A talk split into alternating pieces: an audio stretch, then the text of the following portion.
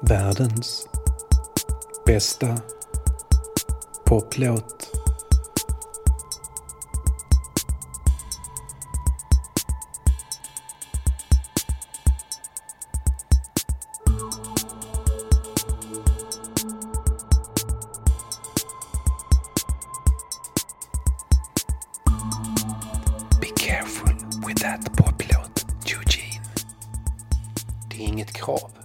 Poplåt ska kunna vara världens bästa poplåt att den ska ha legat etta på Billboards Hot 100-lista. Många av världens bästa låtar har inte ens snuddat vid den listan. Men det kan vara ett gott tecken om den legat där, på toppen av toppen. Och mycket riktigt låg världens bästa poplåt överst på Billboard. Den gjorde det 1971, ett helt fenomenalt år för popmusiken. 1971 var ett så sensationellt bra musikår att det ligger nära till hands att vilja ge alla sina morgondagar för ett enda igår, i alla fall om detta igår inträffar 1971. Men det går ju inte. Och musiken från 1971 finns kvar. Rolling Stones Exile on Main Street snurrar fortfarande på skivspelarna och Carole Kings Tapestry finns i en hörlur nära dig. Musiken har vi kvar. Den finns inspelad. Vi kan höra den även när artisterna är försvunna. Kvinnan som gjorde världens bästa poplåt, Janis Joplin, fanns inte ens när låten toppade listorna 1971. Hon var död. Död i en överdos. Död i en överdos bara dagar efter att hon spelat in låten. Samma dag som hon gjorde de sista planerade inspelningarna på vad som skulle bli hennes andra soloskiva. Som också blev hennes sista skiva. Eftersom hon dog. Döden gör ju det. Hindrar människor från att fortsätta göra musik. Men den hindrar inte oss från att lyssna på Me and Bobby McGee. Och det ska vi, eftersom det är världens bästa poplåt. Jag börjar med att konstatera det uppenbara. Det var inte Janis Joplin som skrev Me and Bobby McGee. Eller det beror lite på hur man ser på det. Hon sjöng fel text så pass mycket att man mycket väl kan hävda att hennes inflytande hörs överallt, även när det formellt räknas i upphovsrätten. Annan text och något annan melodi på sina ställen. Men själva låten skrevs av Chris Christopherson 1969. Och det är inte genom något sorts plötsligt infall eller gudomlig inspiration, utan genom hårt arbete och en hel del frustration.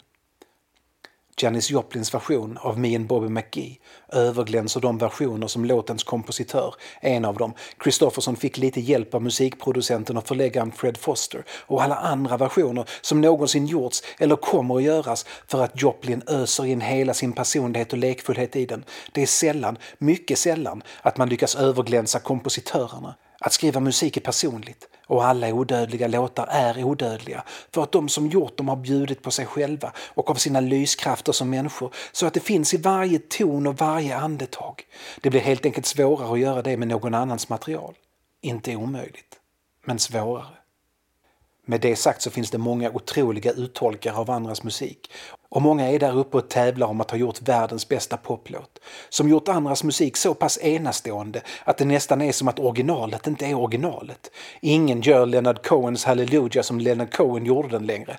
Alla versioner numera, och herregud de är för många, har sina rötter i Jeff Buckleys sagolika tolkning. En tolkning som inte bara skiner som ett exempel på fantastiskt gitarrspel och sång utan också är en av få tolkningar där tolkaren fattat att ungefär hela poängen med låten faller om man sjunger Do you istället för Do ya eftersom Do you för in i helvete inte rimmar med Hallelujah. Twist and Shout är en Beatles-låt. Ja, det är en cover, men det är en Beatles-låt. Venus är inget annat än en låt av Bananarama och Dazed and Confused kommer för alltid vara en låt av Led Zeppelin. Tainted Love soft cell såklart. Och eftersom vi är inne på Chris Christopherson så måste vi ju nämna att även om hans senare bandkamrat i The Highwaymen, Willie Nelson, har haft den största hitten med en låt som först spelades in av B.J. Thomas och som kanske mest förknippas med Elvis Presley, Always on my mind, så är det brittiska Pet Shop Boys som gjort den bästa versionen och den slutgiltiga versionen och den version som gör alla andra versioner helt meningslösa.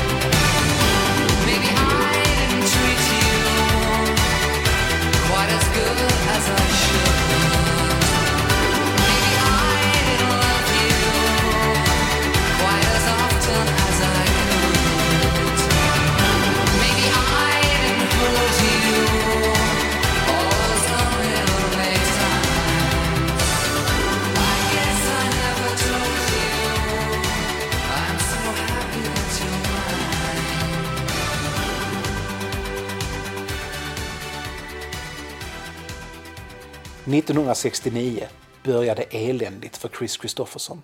Det förvånade inte Chris Christofferson eftersom 1968 varit helt förfärligt och som en vedervärdig uppföljning till det fruktansvärda 1967.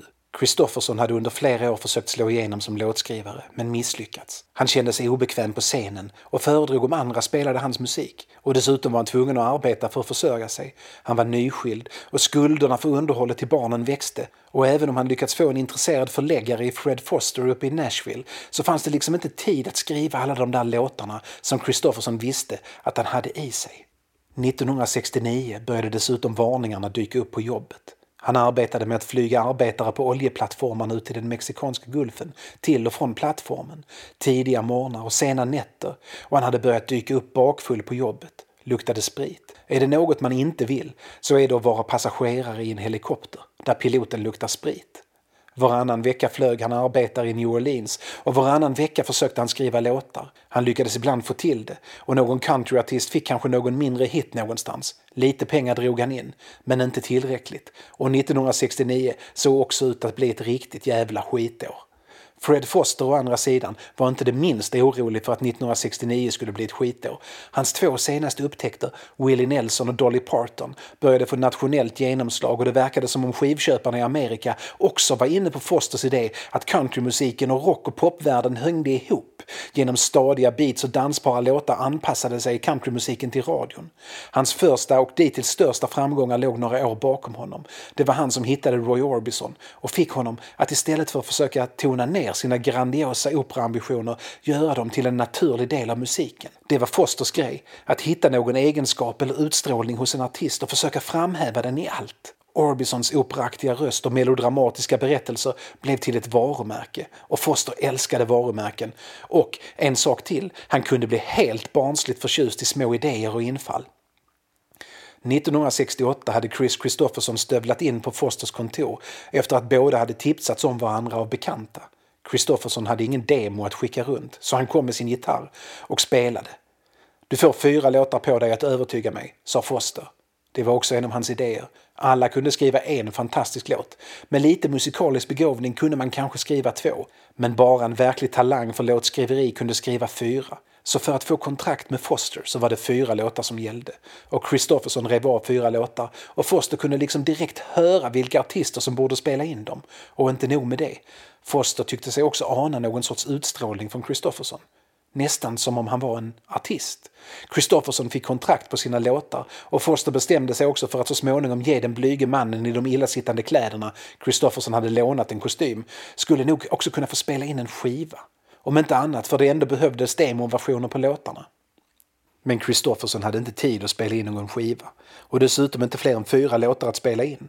Han var tvungen att återvända till New Orleans för att flyga åt oljebolagen. Så han for iväg och Foster återgick till sitt huvudsakliga projekt, att få Dolly Parton spelad på andra radiokanaler än sådana som bara brukade spela countrymusik. Och såklart odla sina kontakter med låtskrivare och skivbolag. Till exempel Bodlow Bryant, som bland annat skrivit Everly Brothers All I Have To Do Is Dream och Wake Up Little Susie. Foster hälsade på Bryant allt oftare under 1968 och 69. Alltid på kontoret. De umgicks privat men Foster hade liksom alltid vägarna förbi. Passade på att se om Bryant var inne. En dag sa Bryant till honom att han inte trodde att Foster kom dit bara för hans skull. Erkänn att du mest kommer hit för att träffa Bobby, sa Bryant. Vem fan är Bobby? frågade Foster. I receptionen, Barbara, Bobby. Och visst, det kunde väl Foster erkänna att Barbara McKee som arbetade i receptionen var synnerligen trevlig och att han nog alltid stannade kvar en kvart eller så efter besöket hos Bryant för att småprata med henne. När han kom hem den kvällen så berättade Foster om konversationen för sin fru. Om hur han först trodde att Bobby var en man men det liksom tänds ett ljus i hans huvud när han förstod att det var en kvinna. Foster och fru Foster hade säkert mycket att prata om rörande Bryans kontor. Men hur som helst så var de båda överens om den där twisten, när Bobby blev en kvinna, att den nog var tillräckligt stark för att bära en låt. Kanske rent av få den att fastna. Som sagt var Foster en man som väldigt lätt förälskade sig i sina egna idéer och den här var inget undantag. Han hade en låttitel, Me and Bobby McKee, och nu skulle han bara hitta någon som kunde skriva låten åt honom. Chris Christofferson var monumentalt bakfull när Foster ringde honom i Baton Rouge, där han bodde när han jobbade som helikopterpilot. Han var inte den första jag ringde, har Foster senare berättat, men den första som svarade. Foster förklarade sin idé till låten. En tillbakablick på en relation som runnit ut i sanden och som hålls så vag att det först i refrängen kommer fram att det handlar om en man och en kvinna. Det här var 1969. Poplåtar om kärlek skulle handla om heterosexuell kärlek. Foster hade också en låttitel. Me and Bobby McKee skulle den heta. Fördelen med Bobby var att både pojkar och flickor kunde kallas det och genast kunde ju låten spelas in av både manliga och kvinnliga artister. Kristofferson skrev ner idéerna på ett papper, lade på luren och somnade om. När Kristofferson kvicknade till tittade han på sin lapp och kände att det här var ju en hopplöst usel idé och en hopplöst tramsig ploj som finess. Han visste inte att han hade skrivit fel namn. Bobby McKee hade på något sätt i hans bakfylla förvandlats till Bobby McGee. Men det är inte det som var det avgörande. Hur som helst så tänkte han att ett jobb är ett jobb och han satte igång. För så såg han på att skriva låtar. Det är ett hantverk och bästa sättet att få det gjort är helt enkelt att göra det. Det tog honom flera månader. Takt efter takt och ord efter ord drar han liksom låten ur sig. Den börjar nästan som en skildring av hans eget eländiga liv. Busted flat in Baton Rouge. Han inser att låten måste handla om en resa, både känslomässigt och faktiskt. En road movie, fast i låtform. Han kämpar och kämpar och kämpar och det lossnar först när raden Windshield wiper slapping time and Bobby's clapping hands. We sang every song that driver ever knew kommer till honom. Resten av låten blir lättare att skriva. Han har funnit sin Bobby liksom, lifterskan. Han förstår vem hon är. Samma dag hittar han också sin refräng efter ytterligare ett hot om avsked. Freedom is just another word for nothing left to lose and nothing ain't worth nothing but it's free. Med hjälp av de här två raderna, den om vindrutetorkarna och den om frihet, blir resten av låten enkel att skriva. Allt följer av dessa. Intressant nog så är det bland annat dessa som Joplin senare sjunger helt fel. Inte med vilje, men fel. Foster känner igen en hit när han hör den. Han skäller lite på Kristofferson eftersom han tycker att refrängen är onödigt filosofisk, onödigt intellektuell. Men å andra sidan så fick han vad han fram till sin död tyckte var den bästa textraden i en poptext någonsin. I trade all of my tomorrows for a single yesterday i den sista versen. En hit är en hit. Och Foster, som låter Kristofferson övertala honom om att han också ska stå med som låtskrivare, skickar runt den till alla i Nashville. Han fixar dessutom så att Kristofferson får spela in den till den skiva han till slut tagit semester för att spela in. Den blir snabbt eftertraktad. Under 1969 och 1970 spelas Me and Bobby McGee in många gånger, bland annat av Johnny Cash. Och så sprider den sig från sångare till sångare och gitarrist till gitarrist över kontinenten tills det några månader efter att Chris Kristofferson spelat upp den för Fred Foster når Kalifornien och Janis Joplins manager John Byrne Cook. Och Cook hör det som ingen annan hört hittills, att Me and Bobby McGee innerst inne är en blues.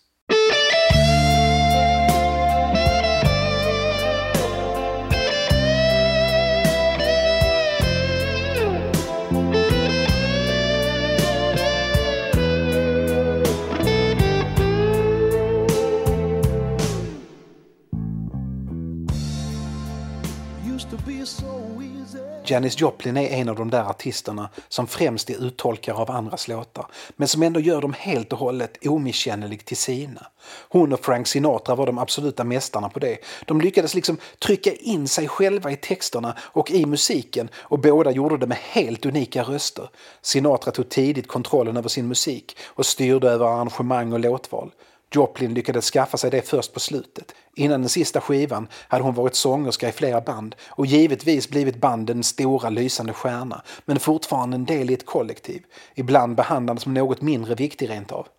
Dåligt självförtroende, droger, sprit, psykisk ohälsa. Orsakerna var många, men 1970 hade hon både tagit kontrollen över sitt liv och sin musik skaffat sig ett band som spelade på hennes villkor och som bara bestod av förstklassiga bluesmusiker.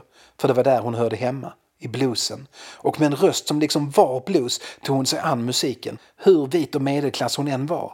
Men oavsett vilka hon spelade med så var det ny och modern blues, inget retro. Det var 60-tal och nytt och fritt och i framkant, även om musiken i sig byggde på 50 år gamla konventioner och traditioner.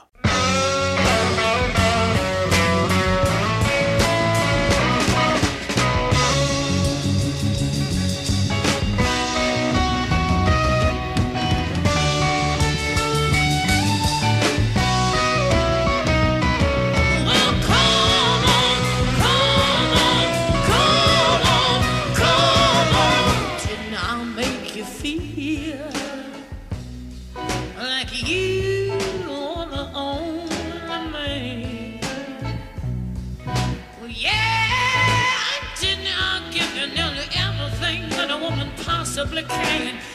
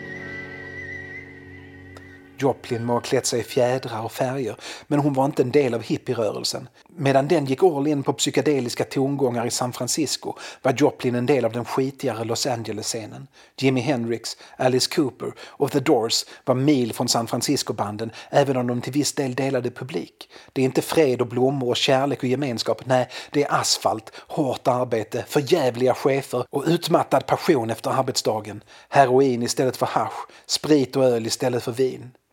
Efter att ha varit en hårsmån från döden flera gånger och studsat mot botten på en självdestruktiv spiral klättrade Joplin upp från avgrunden och drogfri, inte spritfri, tog hon sig an det nya årtiondet.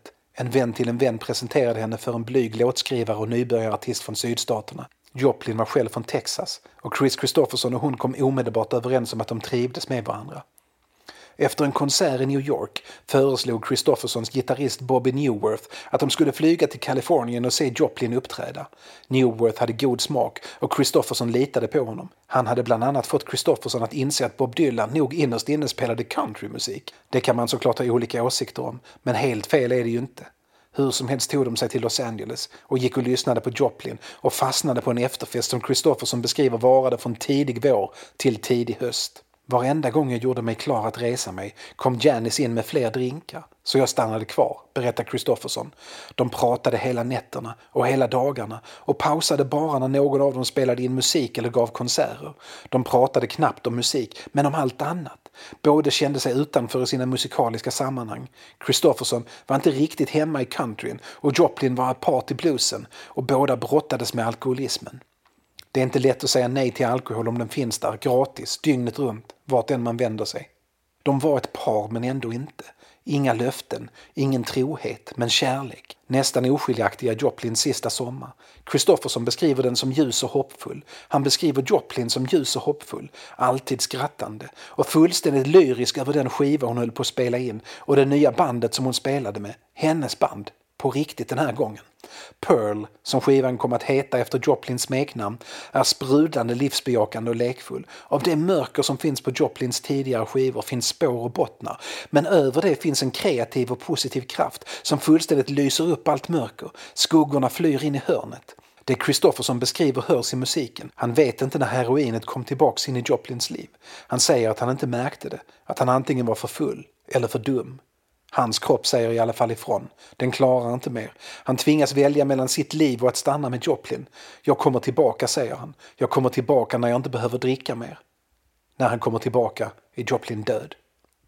Efter att Christofferson lämnat Los Angeles ökar takten i inspelningarna av Pearl. De är inte lika täta som de kan vara med nyktra artister, men ändå. Den 2 oktober 1970 spelar hon och The Full Tilt Boogie Band, som hennes orkester heter efter gitarristen John Till, in Me and Bobby McGee. Då i den version som Joplin lärt sig. En sångtext som vandrat från gitarrist till gitarrist och sångare till sångare. Den har ändrats lite på vägen och Joplin vare sig ber om lov att spela in den eller letar upp den rätta texten. Hon vet såklart att den egentligen bara är ett telefonsamtal bort.